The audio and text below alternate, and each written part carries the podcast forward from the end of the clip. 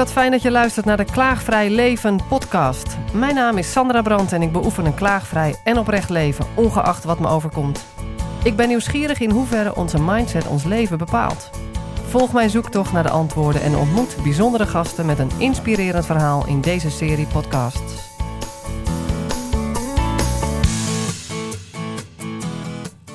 Wendy Aldewereld, mijn gast van vandaag. Welkom. Dankjewel. En volgens mij heb jij hele mooie dingen te vertellen over afhankelijkheid. En dat afhankelijkheid tussen je oren zit, maar ook over rust en ontspanning voor ouders. Klopt. En ja. over wat jij zelf gemist hebt en hoe jij dat zelf eigenlijk in hele positieve zin hebt weten om te draaien. Ja, Daarom ben je hier en volgens mij kun je heel veel mensen inspireren met dat verhaal. Allereerst, waar zou ik jou voor kunnen wakker maken? Waar kun je, mij voor wakker maken? Nou, ik had vannacht eh, een nacht waarin ik wakker werd. Want mijn eh, zoontje die eh, had een nachtmerrie. Nou, dat vind ik dat best wel zielig. Maar hij kroop tussen ons in. Het was nu al de tweede nacht. En toen dacht ik, oh, nou ben ik wakker. En toen dacht ik, oh, wat heerlijk. Dat kleine warme lichaampje tegen me aan. En toen dacht ik, eigenlijk mag je me stiekem hier wel voor wakker maken. Ja, Mijn kleine zoontje van vijf even lekker tegen je aankruipt. En dan zegt, mama, ik had een nachtmerrie. En dan denk ik, ach, kom maar hier, lieverd. ja. Dus dat, toen dacht ik, daar mag je me voor wakker maken. mooi. En dat Ja. doet hij dus ook. En dat doet hij ook af, maar het gebeurt heel zelden. Dus daarom geniet ik er denk ik ook zo van. En ik hoor je ook zeggen, eerst dacht je van oh nee, en daarna Ja. schakelde je om. Ja. Ja. Ik had dat eh, vorige nacht. Dacht ik oh nee, want ik bleef maar wakker en kon niet meer slapen. Oh, en ja. toen dacht ik oké. Dus van oh nee naar Ja. oké. Vertrouwen, het komt wel goed. Ik Ja. trek de dag heus wel door. Ik ben er even uitgegaan. Ik ben alvast ontbijt gaan klaarmaken en de Oh, lunchbakjes. ja. en ik ben een uur later weer teruggegaan. Maar door de switch in mijn hoofd van de oh nee naar oké. Ja. Dat is grappig wat het dan Heel ver- simpel, wat er verandert. Ja. Ja, het is heel simpel. Het is soms maar één. Het, het is ook in één seconde gebeurd. Het is mij ook geen bewust proces. Maar ineens dacht ik, oh ja, maar eigenlijk is dit heel fijn. En je doet het zelf in je eigen hoofd. Dat Ja. is toch wat een verschil in hoe je het dan vervolgens beleeft. Ja. En dat gaat Klopt. eigenlijk de hele dag door, volgens mij. Dit soort dingen. Ja. Ja, soms ook een dag niet. En dan denk je, nou, hmm, Was een minder hoort er ook bij. Ja. Maar je bent de moeder. Ja, Jullie zijn klopt. ouders. Ja. Met eh, hoeveel kinderen? Ja, we hebben drie kindjes. Een kindje van eh, acht, een meisje. En dan een eh, jongetje van vijf. En een klein meisje van twee. Mhm. En hoe vergaat dat? Hoe vergaat dat jou? Ja, ik vind het fantastisch. Er is niets wat ik zo fijn vind als mijn gezin en mijn eh, en de familie. En tegelijk eh, merkte ik ook wel steeds vaker dat het ook wel zo nodige uitdagingen met zich meebrengt. Waar ik altijd dacht dat ik de geweldige moeder was die nooit tegen haar kinderen ging schreeuwen. Altijd heel geduldig alles uitgebreid ging uitleggen. Dat was je Eh, droombeeld en zo zou jij ja, zijn, zo dacht zou je? ik dat gaan doen. Ja. Ja. En vervolgens gebeurt het nog wel eens dat ik 's morgens tegen mijn kinderen schreeuw: Doe je jas nou aan? Ik heb het al drie keer gezegd. En toen dacht ik: Oei, dat had ik toch niet helemaal van mezelf verwacht. En daarbij merk ik ook dat de drukte die een gezin meebrengt, wel mij uitdaagt om eh, heel dicht bij mezelf te blijven en bij mijn eigen gevoelens en behoeften. Mhm. En dat is voor mij wel een, eh, een mooie, eh, mooie reis geweest in het moederschap. En die reis, wat heeft dat jou gebracht tot nu toe? Want je hebt het over een reis, dus dat is blijkbaar wel een... Ja, het is wel een ontwikkeling geweest. Want met één kind, dan kan je nog best flexibel dingen plannen, organiseren en doen. Die neem je makkelijk mee. Ook afhankelijk van je kind, maar dat komt bij ons makkelijk. En dan krijg je een tweede en dan wordt het alweer een nieuwe uitdaging in de balans zoeken.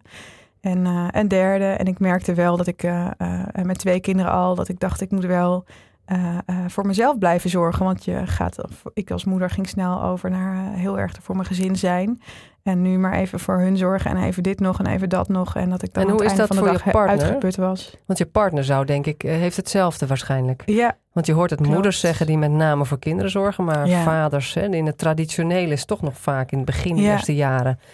De traditionele eh, indeling, de vader die dan vooral voor eh, de inko- het inkomen zorgt, maar waarschijnlijk ook zichzelf voorbij kan lopen. Hoe zit dat? nou, wij hadden heel erg, eh, eh, voor wij kinderen kregen, hebben we het daar heel goed over gehad. Hoe gaan we dat doen? En toen hadden we afgesproken, we gaan het 50-50 doen. Want wij vinden een kind eh, hoort de vader en de moeder. En dan gaan we dat helemaal zo eh, 50-50 doen, want dat is belangrijk. En met één kind ging dat goed. En toen kwam de tweede. En toen had mijn man had een papadag. En op een gegeven moment zei hij, eigenlijk vind ik het niet meer leuk. Hij vond het zwaar, hij vond het heel vermoeiend, hij vond het heftig. Hij kwam niet aan zichzelf toe. En eigenlijk merkte ik steeds meer dat ik dacht, ja, ik geniet er enorm van om met de kinderen te zijn. En ik vind mijn werk ontzettend leuk, want ik had een hele mooie carrière al. En ik had een fantastische baan met het leukste directeur die ik me kon wensen. En de leukste projecten die ik mocht doen. Uh, maar tegelijk ging er wel iets uh, knellen dat ik dacht, um, doe ik nou wat werkelijk belangrijk is nu? En bij de eerste ging alles ontzettend snel en kon, keek ik er groot. En bij de tweede dacht ik, oh jee, dit gaat echt heel snel. En die fase dat ze zo klein zijn, duurt niet zo lang. Dus je vroeg je af, ehm, wat doet er nou eigenlijk echt toe? Wat is nou eigenlijk echt belangrijk? En wat is nou werkelijk belangrijk in mijn leven? Ja. En, en kan je nog herinneren dat je dat dacht? Was er een specifiek moment? Ja, klopt. Ik ben, uh, ik ben ziek geweest en toen had ik ziekte van Lyme. En toen, uh, had, dat, dat heb je toch voor altijd? Ja, het, sommige mensen hebben er meer last van daarna, sommige mensen minder. En ik ben er relatief goed van afgekomen. Mm ik heb nog wel wat klachten als ik te moe of te gestrest ben of ziekig word. Mm En verder heb ik weinig last. Ik merk alleen wel dat het voor mij een soort thermometer is. Als ik last van mijn Lyme krijg, moet ik even wat beter voor mezelf gaan zorgen. Dus voor mij is het nu uh, uh, niet zo vervelend meer. Maar ik weet nog, toen was ik heel erg ziek. Ik had toen een, uh, mijn links, de linkerkant van mijn lichaam had ernstig krachtverlies. Ik was bijna halfzijdig verlamd. Dus ik kon niet zoveel meer. En toen was ik aan het nadenken. Dan ga je, ga je nadenken over je leven. Want je weet ook niet zo goed hoe gaat het aflopen. Word ik nog echt helemaal beter? Of, of eindig ik toch best wel zielig en gaat het niks meer worden? en toen ging ik nadenken over, ja, wat wilde ik nou altijd al? Heb ik dat nou gedaan? En toen moest een soort denken, uh, een, een, nuttige, vervroegde midlife crisis eigenlijk. Ja, nou, het voelde niet eens als crisis, want het voelde zelfs wel als een soort van uh, opluchting. Dat ik dacht, ja, het, biedt je, het ziek zijn biedt je een moment om te kijken naar hoe je ervoor staat. Want je wordt gedwongen tot rust, want je kan ik kon niet zoveel meer. Dus ik was gewoon thuis. Van fulltime werken, 40, 50 uur per week, ging ik naar niks, naar thuis zitten. En um, ik zat thuis en um, en toen bedacht ik me dat ik, ik had een oppasjongetje waar ik heel, met heel veel plezier op paste een dag in de week. En ik weet nog dat zijn ouders veel werkten. En toen dacht ik, als ik later kinderen heb, ga ik dat dus niet doen. Ik neem kinderen om bij ze te zijn en ik wil ze verzorgen. En, uh, en ik werkte fulltime. En toen dacht ik, wat is er gebeurd? Waar, waar, ik, ik had heel onbewust een andere afslag genomen. En ik vond het heerlijk, want ik had echt een hele leuke baan. Ik heb nooit het gevoel gehad dat ik mijn kind met tegenzin naar de crash bracht. Of dat ik mijn baan niet leuk vond of mijn collega's niet. Maar opeens merkte je, hé, hey, ik heb een andere weg gekozen. Ja. Dus jij opeens merkt, ik zit op een andere route. Ja. Um, waar je eigenlijk zou willen. En door je ziekte, je zei, het is eigenlijk een fijn inzicht. Dat ik op dit moment kan, uh, mezelf kan bevragen. Wat is nou eigenlijk echt belangrijk? Vond je eigenlijk juist fijn? Ja, ik vond het ziek zijn niet fijn. Maar ik vond het uh, terugkijkend heeft het me wel iets gebracht. En dat, uh, daar ben ik wel dankbaar voor. Wauw. Ja. En wat zou je mensen kunnen aanraden die dus niet ziek willen worden om dit punt te bereiken? Nou, wat ik zelf merkte is dat je een aantal voorwaarden moet hebben om uh, echt tot, tot nou, het was voor mij een soort transformatie bijna, maar om tot een verandering te komen. En een van die voorwaarden daarvoor is rust en vertraging. Je hebt een voorwaarde nodig om tot verandering te komen. En één daarvan is Klopt. rust en vertraging. Ja. Anders kan je niet tot verandering komen, bedoel je? Nou, het is, uh, ik, denk dat er een verschil is tussen verandering en transformatie. En voor mij, en voor mij is een verandering is iets wat je altijd hebt gedaan en denkt ik ga het nu anders doen. Mm-hmm. Zoals een goed voornemen of, een, of iets ja. wat je zegt, nou nu ga ik het anders doen. Maar een transformatie is voor mij een, uh, uh, dat je iets eh, hebt gedaan en dat je er een moment komt waarop je ineens denkt: oh, het klopte niet in mijn hoofd. Het was een denkfout. Het zit anders in elkaar.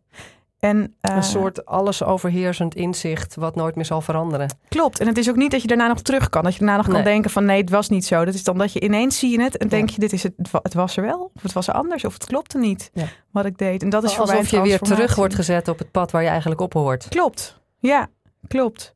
En dat, dat was voor mij een heel duidelijk moment. En ik heb toen. Uh, dus toen was rust dus... nemen en vertragen. En de, de, de ziekte zorgde ervoor dat jij moest vertragen. Ja. En daardoor kreeg je die transformatie eigenlijk. Daardoor was van, er ruimte. Ja. Dit is, oh, wacht even, dit was mijn pot, niet die andere. Ja, okay. klopt. Er, er, ontstaat ruimte waarin je ja. uh, uh, nou ja, meer in je hoofd ruimte hebt om ja. ook anders te kunnen gaan denken of andere dingen te ontwikkelen. Oké, okay, dus voordat je verder gaat, is het misschien fijn voor mensen die luisteren van hoe, hoe krijg ik die rust en vertraging nou in mijn leven als ja. het niet als mijn niet mijn lichaam. Nou, er zijn al genoeg mensen waarbij het lichaam al lang signalen geeft, ja. maar dat ze nog door kunnen. Ja. Uh, maar hoe kun je die rust en vertraging nou krijgen? Zonder dat je lichaam echt nog heel hard aan de bel trekt. Hè? Dat ja, is de kunst. Voordat je burn-out, overspannen of scheidingen zie ik ook vaak. Omdat je dan ja. denkt, als we het anders doen, dan wordt het beter. Of als, je nu, als ik nu gescheiden ben, dan wordt mijn leven mooier of beter. Of, of je gaat onderuit in een, Want het is niet zo. Of een depressie. Ik denk dat scheiding soms een oplossing kan zijn, maar ik denk ook dat het vaak. Um, een, het antwoord is op, op het leven waar je op dat moment ontevreden over bent. Of de partner die jou niet gelukkig maakt. Maar ik denk dat een partner per definitie je niet gelukkig gaat maken. Maar dat je wel kunt kijken naar ehm, hoe kun jij jezelf binnen je relatie ontwikkelen. En je relatie is een enorme spiegel. en de dingen waar je je het meest aan irriteert van je partner zijn ook de dingen die je in jezelf waarschijnlijk niet accepteert. Dus hoe kun je daar weer heel erg naar gaan kijken en daarmee aan de slag gaan? Dus rust en vertragen zou misschien ook scheidingen kunnen voorkomen, denk je dat? Ja, absoluut. Ja, ik denk dat, en dat niet zozeer rust en vertragen, maar wel uh, terug naar uh, wat is nou mijn essentie? Wat is werkelijk belangrijk voor me? En wat staat me in de weg om dat na te leven? Dit is wel echt de one-liner, hè? Dus wat is echt belangrijk? Wat is werkelijk belangrijk? En wat staat me in de weg daarvoor? Ja, klopt. En dan kan je denken, ja, die partner van mij die moet weg, maar dat is niet wat jij zegt. Nee. Kan je daar iets meer over vertellen? Volgens mij is dat ook je werk, hè? Dus ja, Klopt. Mensen die samen zijn en met kinderen. En in dat hele spanningsveld van druk, druk, druk. Klopt. Ik ben eigenaar van de Olifant. En de Olifant is een, uh, ik heb, nou, dat is een bedrijf waarbij we uh, dagen en weekenden aan ouders aanbieden. om echt te kunnen uitrusten, vertragen en opladen. En daarbij uh, hebben we ook een programma. Waar, dat is op basis van het gedachtegoed van VUMC. Dat heet de Innerlijke Krijger. Um, en dat gedachtegoed nodigt je uit om te kijken naar wat is werkelijk belangrijk. Uh, maar dat is dus ook een stukje zelfonderzoek. Uh, naar wie ben jij zonder alles wat je hebt, zonder alles wat je doet. wie, wat blijft er dan over? Wie ben jij werkelijk? En wie ben jij zonder wat je hebt? Dus, dus materieel, zeg maar. Ja. Zonder je huis en zonder je auto. Ja, of zonder je kinderen ook. Zonder, zonder dat je moeder bent. Dus als je de rol als moeder, als partner, je huis, je kinderen, als je alles, als je daar los van komt. En los van wat je doet, zeg je? Ja. Wie, ben, je dan? Wie ben je dan? Ja. Mhm. En op het moment dat je daarnaar gaat kijken, dan kom je veel dichter bij de essentie van wie jij bent.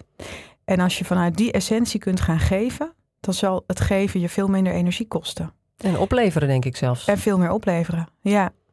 En um, ik merk dat zelf ook. Ik, ik werkte eerst uh, als teamleider in de ouderenzorg, wat ik fantastisch vond.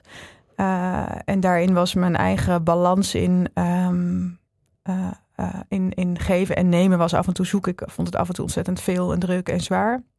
Maar wel heel erg leuk, want ik had echt een leuke baan. Uh, en ik merk nu, ik met de olifant bezig ben, het is iets wat ik heel erg vanuit mijn eigen essentie bied aan ouders. En ik merk daarom dat, dat, dit, dat dit niet eens als werken voelt. Ik, nee. ik, ik kan er ook zijn, mijn man zegt dan wel eens, joh, moet je nou niet stoppen? Het is avond, je gaat zo slapen, moet je nou nog wel werken? En het voelt niet als werken. Nee. Het is iets, dit, dit is wat ik doe. En dat is uh, ontzettend fijn. Dit is wat ik doe. Ja, je moet denken aan de Blue Zones, de plekken op de wereld waar de meeste 100-plussers wonen. Een boekje Ikigai heet het, uh, van een Japanse eiland. En daar zijn mensen niet bezig tot de 65ste met werk en dan is het klaar. Maar zij uh, zijn meer gericht op waarvoor besta ik en wat heb ik te bieden aan de wereld. En dat stopt eigenlijk nooit. Ja. Dat vind ik echt zo'n mooie insteek. Het is gewoon een, echt een andere insteek waar je voor kan kiezen. En ik heb dat gelukkig al een paar jaar geleden besloten. Dus ik uh, maak ook het onderdeel eh, niet meer tussen het onderscheid tussen werk en privé. Het is de invulling van mijn leven. En dan helpt al veel meer om te voelen of het klopt met wat je te bieden hebt eigenlijk. Ja. En dat hoor ik jou ook zeggen, want het voelt niet meer als werk. Dus blijkbaar associëren wij werk met iets wat moet en waar je spanning bij hebt. Ja. En zodra je er plezier van hebt en het gaat vanzelf, dan zeggen we het voelt niet meer als werk. Nou, en het gekke was dat ik in mijn werk, wat ik hiervoor deed als teamleider in de ouderenzorg, ook heel veel plezier heb ervaard. Het was niet zo dat ik daar met, dat ik daar met tegenzin heen ging. Ik heb echt enorm genoten van wat ik daar mocht doen. Wat is dan nu het verschil? Uh, het verschil is dat, uh, nou, ik denk dat iedereen wordt geboren met een bepaalde essentie. En in de loop van je, van je jeugd ontstaan er vaak gaten in, want er bepaalde dingen die in jouw essentie zitten worden uh, niet gespiegeld. Of die worden uh, afgekeurd. Bijvoorbeeld als je een jongetje bent en je bent ontzettend druk, dan wordt vaak gezegd: je moet rustig op je stoel zitten, want druk zijn past niet in het systeem. Uh, maar ook op het moment dat je bijvoorbeeld heel verzorgend bent als meisje, wordt het vaak heel erg aangemoedigd. Oh, wat lief, je bent zo'n grote, leuke grote zus. Wat goed dat je dat doet en wat lief. dus, dus, en dan ga je dat voor jezelf vergroten. Dus in de loop der tijd ontstaat er een laag om die essentie heen, om die gaten op te vullen. Want die gaten voelen toch ook als leegte. Want je wil graag bevestiging van je omgeving, want we zijn nou eenmaal groepsdieren. Um, en op het moment dat je um, uh, dat doet, is dat prima. Want het is jouw manier om in de, in, in de wereld te gaan staan. Het gaat alleen knellen op het moment dat je je gaat identificeren met dat wat je daar omheen hebt gecreëerd. Dus wat ik had, is ik, was, uh, ik had een hele leuke baan. En ik vond het heel leuk om te doen. Ook omdat ik erachter kwam dat ik de ouderenzorg heel erg leuk vind. en dat ik daar ook heel veel neer kon zetten. En ik zag steeds vaker dat ik dacht: oh jongens, dit kunnen we veel beter. we kunnen nog zoveel doen hier in de ouderenzorg. We kunnen het nog zoveel mooier en beter en leuker maken. En er zijn zoveel opties dat ik daar heel enthousiast van werd en dat heel erg ging doen. En daar genoot ik heel erg van. maar tegelijk was dat meer ontstaan vanuit het feit dat ze in de opleiding zeiden: Oh, jij bent er echt voor gemaakt en je bent er zo goed in. En ik was cum laude afgestudeerd. En dan denk je: Nou, dat doe, dat doe ik dus echt heel goed. Dus dan ga je daar meer van doen. Maar als ik nou kijk naar wat ik werkelijk belangrijk vond, of wat werkelijk mijn essentie was, was dat veel meer dat verzorgen en die rust in mezelf. En, en uh, veel, veel dichter bij mezelf staan. En, ja, en dat, dat kwam pas naar boven toen ik die rust naar vertraging kon toelaten. Dus in het leven krijg je heel veel dingen naar je toe, waardoor je eigenlijk je eigen essentie kwijtraakt, zeg je. En door rust en vertraging toe te laten, kom je weer bij van, ja, wat is nou eigenlijk echt voor mij belangrijk? En dat kan wel eens heel iets anders zijn dan wat je tot dan toe liep te doen. Klopt, ja. En, en, die rust en vertraging bied jij nu aan mensen? Ja, vanuit de Olifant bieden we oplaadweekenden in samenwerking met VUMC vanuit de Innerlijke Krijger. En uh, in die weekenden, uh, uh, dat is in een prachtig oud klooster in, onder Utrecht. Het heet Samaya. En daar is het eten is heerlijk. Het is gewoon een hele fijne, fijne leuke plek om te zijn. En daar hebben we een, een daar kun je naartoe mee. En we gaan daar een weekend lang, bieden we je daar een, een programma met hele mooie ervaringen. Uh, maar ook met yoga, met meditatie. Uh, maar ook ervaringen die maken dat je gaat kijken, dat we je nou ja, faciliteren in het kijken naar jezelf en weer erachter komen wat werkelijk belangrijk voor je is. Ja, waarvanuit je nieuwe keuzes gaat maken die beter passen. Ja, dat kan. En, en het kan ook zijn dat je erachter komt dat je dus geen andere keuze wil maken. Want wat wel belangrijk is in die weekenden, is dat het is niet zo dat wij een vooraf vastgelegd doel hebben of willen dat het op een bepaalde manier gaat. Het is heel erg, wij bieden ervaringen aan. Ik ga je ook niet uitleggen hoe de wereld in elkaar zit, hoe je het beste op kan voeden of het beste voor jezelf kan zorgen. Het enige wat we doen is het aanbieden van ervaringen. En mensen halen eruit wat op dat moment belangrijk voor hen is. Uh, en dat is wel uh, radicaal anders dan de meeste opleidingen of, of weekenden of dingen zijn. Dat gaat vaak over als je het zo gaat doen, dan wordt het beter, of dan wordt het leuker, of dan wordt het mooier, of dan kom je meer tot je recht. En bij ons gaat het erover uh, dat je allemaal dat oppikt wat voor jou belangrijk is. Je hebt ook, ik, had, ik ik weet nog goed, we hadden een, uh, ik had een boek gelezen wat ik heel erg goed vond. En dat ging over, uh, het heette Zeven Wegen naar Geluk. En het was uh, een prachtig boek over chakra's en dingen. En ik liet dat mijn man lezen en die dacht, nou, dat is niet, nee. Dus ik dacht, nee, je moet, lees het nou. Het is echt een heel goed boek. En hij vond het niks. En ik dacht, nou, wat raar. En ik weet nog dat vijf jaar later zei hij, ik heb een goed boek. En toen kwam hij dus met het boek aan wat nog in de kast stond. Toen zei ik, nou, dat liet ik vijf jaar geleden ook lezen. Nee, zegt hij, dat meen je niet. En uh, toen het, heeft hij het aan een aantal vrienden gegeven. En sommigen hadden daar wel iets aan en sommigen niet. En toen besefte ik me heel erg dat het niet zozeer is dat je mensen kunt vertellen hoe het in elkaar zit of hoe dingen werken. Maar op het moment dat je mensen ervaringen biedt, dat als je mensen uit een comfortzone haalt of nieuwe ervaringen aanbiedt, dat je daaruit um, uh, zelf je les kunt leren of niet. Of, of je kunt zeggen, ik heb hier helemaal niks aan. Of je kunt zeggen, dit was fantastisch. Ja, daarbij werkt het vaak juist contra als mensen iets moeten leren natuurlijk. Ja, ja. ja dus dat doen we niet. We, we leren niks. We en had je dat zelf ook nodig? Is, het dat, is dat waarom je het gestart bent? Als moeder, als ouder? Ja, nou, ik merkte dat ik zelf wel heel graag uh, merkte dat ik zelf weinig tot rust kwam als moeder. En dat ik wel mijn tijd nodig had om even weg te kunnen. En toen mijn man ook. Dus toen hadden we met elkaar afgesproken. Dan gaan we allebei twee keer per jaar een weekend of, iets weg. En mijn man ging dan de van toe met de fiets beklimmen. En ik dacht, hmm, laat mij maar lekker ergens een retraite doen. Een beetje rust, ontspanning, een beetje opladen. En dat vond ik ontzettend fijn. Maar tegelijk merkte ik altijd dat als ik dat deed, dat ik dan altijd met een heel andere doelgroep zat. En ik heb echt verschillende dingen geprobeerd, maar het waren vaak uh, uh, oudere mensen of zeg maar vrouwen 60 plus, heel spiritueel vaak. Um, en dat, dat sloot niet echt aan op dat waar ik mee bezig was. Um, dus toen dacht ik, ja, eigenlijk is het aanbod er niet. En ik ben verder gaan zoeken, is er iets voor ouders, voor mijn leeftijd? En dan had je wel surfkampen of yoga of dingen. Maar ik dacht, ja, ik wil juist ook echt kunnen uitrusten en graag met mensen zijn die hetzelfde doormaken. Namelijk allemaal jonge kinderen hebben en tegen dezelfde uitdagingen aanlopen. Want de problemen of de, de uitdagingen waar je tegenaan loopt zijn helemaal niet zo uniek. Uh, dus wat kunnen we daarin van elkaar leren? Maar dat was er niet. En toen dacht ik, ik ga het zelf doen. Dus ik bied nu uh, oplaadweekenden aan aan ouders. En dat vind ik ontzettend leuk. Dat is helemaal, uh, dat voelt zo heerlijk en gaat ook ontzettend goed.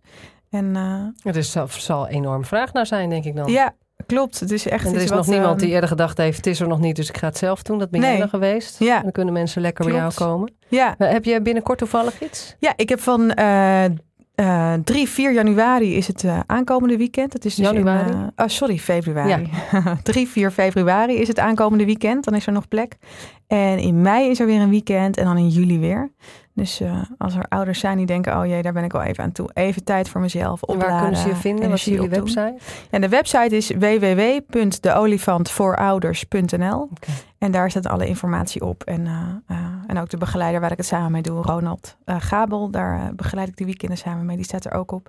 En daarin staat ook meer informatie over de samenwerking met de VUMC. Want het is wel een, iets wat, wat we niet zeg maar doen vanuit dit hebben we zelf bedacht. Maar het is wel echt iets wat nou ja, werkzaam is en wat we van een bepaalde visie uit doen.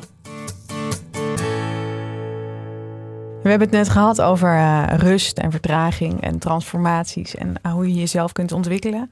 Maar soms is het ook zo heerlijk om dat gewoon los te laten en gewoon lekker te gaan. En soms moet je nou gewoon een lekker nummer opzetten en gaan dansen ja. en plezier maken. Doen we Zonder dat altijd denken van ja, soms dat, moet je dat er moet worden getransformeerd. Ja, Ja, absoluut. Soms moet je ook gewoon loslaten en gewoon lekker gaan doen. En Gek leuke doen. dingen doen en gek doen. En ook luchtig zijn. Soms Ja. kan je misschien wel zo'n dag hebben dat je even denkt, eh, ik vind het even niet leuk. Eh, maar dat hoort er allemaal bij. Dat hebben we allemaal wel eens. En het, het lekkerste is dan om gewoon van een afstandje naar jezelf te kijken en te kunnen zien, oh ja, het is weer zo'n dag. Nou ja, Dus misschien waar kan we ik het een over, beetje om mezelf lachen. in dus waar we het over hebben eigenlijk al die tijd is van hoe kun je leven af en toe een beetje verlichten, maar ook Ja. een beetje meer in de plezierstand krijgen, toch? Ja, klopt. Ja. En daarbij is het nodig om je af te vragen, wat doet er nou eigenlijk werkelijk toe? Dan kan je misschien al makkelijker dingen van je af laten glijden, die 130 mails in je inbox of zo. ja, Eh, maar soms ook gewoon gaan dansen, gewoon Ja. los van, maakt niet uit Ja. waarom. Of gaan fietsen 's morgens voor, Ja. eh, voordat je in de malle molen Ja, vertrekt. het kan zelfs zo helpen om, om één ding per dag anders te doen. Ik ben een tijdje, of eh, eh, afgelopen, eh nou, dins, even kijken, maandag 8 januari ben ik begonnen met een ochtendroutine. En dat is gewoon een momentje, eh, dat is op een groep op Facebook ook, de ochtendroutine voor eh, ambitieuze moeders. En het is gewoon een momentje om even je dag anders te beginnen. Eh, een stukje dankbaarheid in je dag, maar ook waar droom je nou eigenlijk van? Wat zijn nou dromen die je hebt? Wat vind je nou echt superleuk? Waar loop jij warm voor? Om daar gewoon ook weer bij stil te staan. En vaak is zo'n begin van de dag een heel mooi moment om dat te doen. Ehm, eh, maar ook andere momenten. Je kan ook gewoon af en toe even die luchtigheid erin krijgen. Want ja, een relatie ook leuk houden is ook best ingewikkeld met jonge kinderen. Want hoeveel tijd heb je voor elkaar? Maar hou het een beetje luchtig en leuk en vrolijk. En dat kan ook zo goed En werken. dan heb ik nog een tip trouwens voor eh, gezinnen. Na het avondeten met z'n allen, net hoeveel je met, bent, in een kringetje staan. Dat kan al vanaf jong, van eh, onze on- jongste is drie. Ja, En dan doe je alsof je iets doorgeeft of gooit of schopt aan elkaar. Dus eentje neemt iets in de hand, maar dat zie je niet. Het is gewoon in verbeelding en zonder woorden. Dus je vertelt niet wat het is. En je maakt het zo groot of zwaar of heet als je wil. En dan gooi je het over naar Ah, de ja. volgende met zo'n geluid. En die ontvangt het ook met zo'n geluid. En daarna maakt hij er wat anders van. Heel klein of heel luchtig of heel plakkerig of zo. En onze jongste van drie deed hartstikke mee. En we hebben gelachen, jongen. En dat is zo leuk Wat voordat je weer aan de afwas of de vaatwasser vullen begint. Weet Ja. je wel? Even zo'n momentje. En nog een andere tip. Dat is van Niels Mooi, bewustzijnscoach, die eerder in onze uitzending was. Ehm, om elkaar als je thuis komt en iedereen komt van school en werk. En ook als je met z'n tweeën woont. Eerst even elkaar een minuut in de ogen te kijken zonder woorden. Dus dan maak je weer even zo'n moment van wacht even. Voordat we weer in alles wat moet. ja, je schieten. eventjes in het eh, zijn eh, schiet. Ja. Wat mooi. Ja. Ja. Dat zijn tips. Prachtig. Dus eigenlijk, ehm, we horen dansen van jou. ja. Bewegen, fietsen. ja. eh, iets theatraals, het doorgeven van, Ja. van iets. Iets grappigs, lol maken. Iets, ja, een beetje luchtigheid. Ja, luchtigheid en ook van een afstandje kunnen kijken en denken, oh ja, het is ook allemaal eigenlijk helemaal niet zo belangrijk. Het komt wel goed. Het komt wel goed. Ja, het Dat komt is wel mooi. goed. Ja, en dat doet me denken aan, aan een uitspraak eh, dat eh, hoop is niet eh, hopen dat het weer dat het gaat zoals jij het wil. Dus dat de uitkomst er komt die jij hoopt. Maar hoop is dat je, dat, het, dat je vertrouwen hebt dat het toch wel goed komt, wat dan ook de uitkomst is. En dat het toch wel zin heeft wat er gebeurt. En dat is denk ik een mooi uitgangspunt in ouderschap. Dus eh, rustgevend. Tenminste, ja, als Ja. ouders zijn, eh, als een kind in zak en as zit, zeg je ook het, het komt goed of Komt stil, maar het is oké. Ja. Het is oké, weet je wel. En blijkbaar geeft dat rust, terwijl het misschien helemaal niet oké is. Maar toch helpt dat op de een of andere manier. Ja. biedt een stukje troost. ja, en speak up. Dus eh, vertel wat je nodig hebt ook, ook aan elkaar. Hè? Ja, In plaats van te klagen over wat er allemaal misloopt. Maar als je je behoefte uitspreekt, maar is ook nog best Ja. een dingetje. Oh lastig. Vertel maar Ja. wat je nodig hebt. Ja. Of weet zelf maar wat je nodig hebt. Dat is ook Ja. nog heel wat. Ja. Maar jij, ja, jij, jij, jij realiseert dat nu, dus jij hebt dat zelf. Maar hoe is dat dan nu voor jou in jouw leven? Kun jij al steeds beter eh, gehoor geven aan wat je zelf nodig hebt met een druk gezin? en je bedrijf? Uh, ik merk wel dat ik, dat ik de ruimte neem die ik belangrijk vind. Bijvoorbeeld afgelopen zondag dacht ik, poeh, ik uh, heb wat ruimte nodig. En toen heb ik tegen, het was een heerlijk zonnetje buiten. En toen heb ik tegen hem gezegd, ik ga even weg, twee uurtjes. Nou, dat geeft hem ook ruimte voor. Want die ruimte bied ik hem ook, dus dat geven we elkaar. En ik ben heerlijk, ik ben het bos ingegaan. Ik heb een heel stuk gewandeld. Ik heb lekker een meditatie kunnen doen aan een heel mooi duinmeertje in het zonnetje. Het was heerlijk. Daarna ben ik uh, in het uh, tuincafé lekker een kop koffie gaan drinken. En ik had zo'n lekkere ochtend en ik was erna opgeladen. Maar het begint en, bij jezelf toestaan dat je ja, dat dat mag. Maar hè? ik merk dat je dat ook. Ik, ik had vroeger het label egoïstisch daarop als je voor jezelf dingen ja. doet. Maar ik heb heel erg sterk gemerkt dat uh, het uiteindelijk uh, iedereen er wat aan heeft als ik goed voor mezelf zorg. Want ik merk dat op het moment dat ik er even doorheen zit of het even moeilijk heb, dat mijn hele gezin daarop reageert. Dus op het moment dat ik goed voor mezelf zorg, zorg ik daarmee ook goed voor mijn gezin. Dus ja. het is juist heel erg fijn voor iedereen om me heen als ik goed voor mezelf zorg. Ja, dus, dus dat daarmee label dat het egoïstisch is, moeten we eraf halen. Dan, ja. wel, dan wel de lading van het label egoïsme zou wel eens veel positiever Klopt. mogen zijn. Want we zouden met z'n allen dat misschien wel meer mogen worden. Klopt. Net zoals Loesje de uitspraak, als ieder voor zichzelf zorgt, ja. wordt er voor iedereen gezorgd. Nou snap ik ook wel dat niet iedereen het kan, maar... In het doorsnee leven kunnen we best wat vaker gehoor geven aan waar we nou eigenlijk echt behoefte aan ja. hebben, denk ik. Ja, en ook, en ook daarbij, ik merk dat ik het ook aan mijn man geef, omdat hij het ook aan mij geeft. Dus dat er ook een wederkerigheid in zit. Dat op het moment dat je elkaar uh, die rust en ontspanning gunt, dat, ook, dat het ook makkelijker is om voor elkaar te doen. En daarbij is het wel zo dat ik soms uh, dan minder uh, snel vraag. Want dan denk ik, oh, hij heeft de hele dag gewerkt, hij heeft druk gehad. Ga jij maar lekker dan voetballen vanavond of wat leuks voor jezelf doen. Terwijl ik eigenlijk zelf wil. En dan komt hij erna thuis en dan ploft hij op de bank. Of de dag erna zegt hij, nou, ik ga nu even een massage halen. En dan denk ik, pardon, nou wil ik. Maar ja, dan heb ik eigenlijk gewoon niet mijn eigen Oftewel, sta je het jezelf toe. Dus eerst zeg je van, je gunt het elkaar. Maar eigenlijk begint het ook met sta je het jezelf toe. Klopt. Ja, het elkaar gunnen begint ook bij jezelf.